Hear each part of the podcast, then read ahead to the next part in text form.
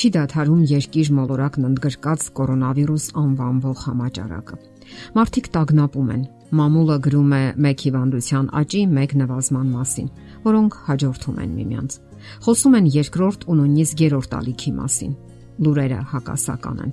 Այս թեմայի վերաբերյալ իր տեսակետն է ներկայացնում բժշկական գիտությունների դոկտոր հոկեբան Տորբեն Բերգլանդը։ Ներկայացնենք հիմնախնդիրը լուծելու նրա առաջարկած եղանակներից մի քանիսը։ Սա ճգնաժամ է։ Հարկավոր է ընդունել փաստը։ Այն անսպասելիորեն ներխուժեց մեր կյանքը եւ սպառնում է անորոշությամբ ու մեզ համար կարևոր ու թանկ որոշ արժեքների կորստով։ Այսպիսի իրականությունը մեզ հիշեցնում է, թե որքան արագ կարող է փոխվել ամեն ինչ։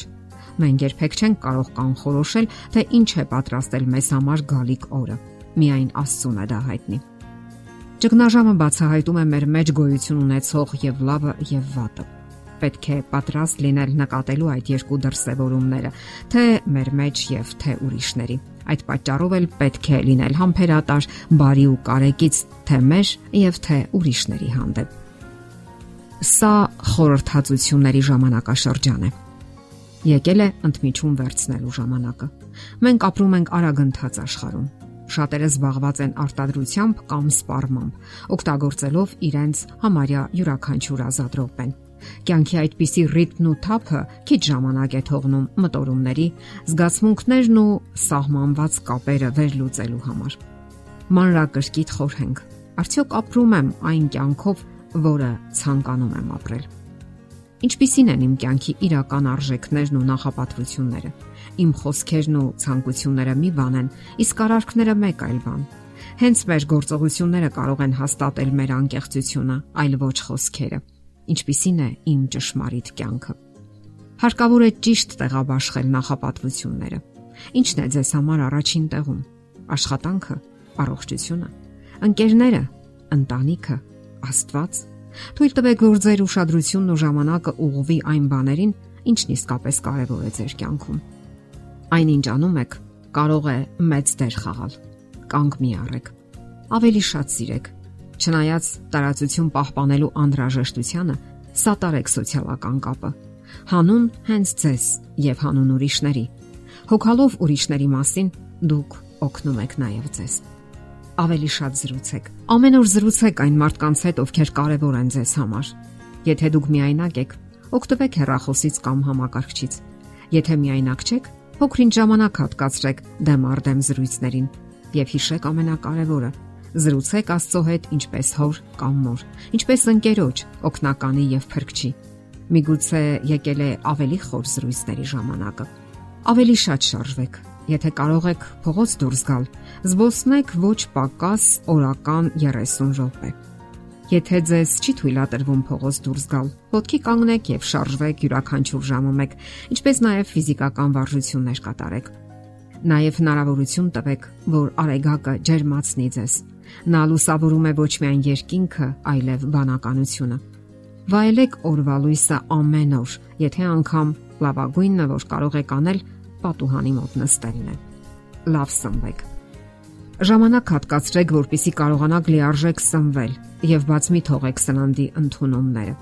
Ով ասաց, որ դուք չեք կարող ամեն օր խնջույք կազմակերպել։ Օրը 2-ից 3 անգամ վայելեք ձեր ճաշը։ Ցանկալի է նույնիսկ, որ որևէ մեկը ընկերակցի ձեզ։ Շատ կերեք թարմ մրգեր ու բանջարեղեն եւ ամբողջական այլ մթերքներ։ Բավականաչափ քնեք Քնեք այնքան վաղ, որ առավոտյան ձեզ հանգստացած զգաք։ Եթե խիստ հոգնած եք, կարող եք ճաշից հետո մի փոքր ննջել, սակայն 30 րոպեից ոչ ավել։ Ավելի հաճախ ծիծաղեք։ Հումորը ցավը նվազեցնելու եւ լարվածությունը հանելու լավագույն միջոցն է։ Կատակասիրությունը խոսում է հասունության մասին։ Գտեք այն, ինչը ձեզ զվարճալի է թվում եւ որևէ մեկի հետ կիսվեք դրանով։ Եթե գտնում եք, որ անհրաժեշտ է, լաց եղեք։ Լացը նույնպես միջոց է լարվածությունը հանելու եւ կողքիններին ձեր տարապանքի մասին հայտնելու։ Մենք չենք մեղադրում երեխաներին, որ նրանք լաց են լինում, երբ կարիք ունեն հոգատարության ու սատարման։ Այդ նույն ձևով մենք չպետք է մեղադրենք նաև մեծահասակներին։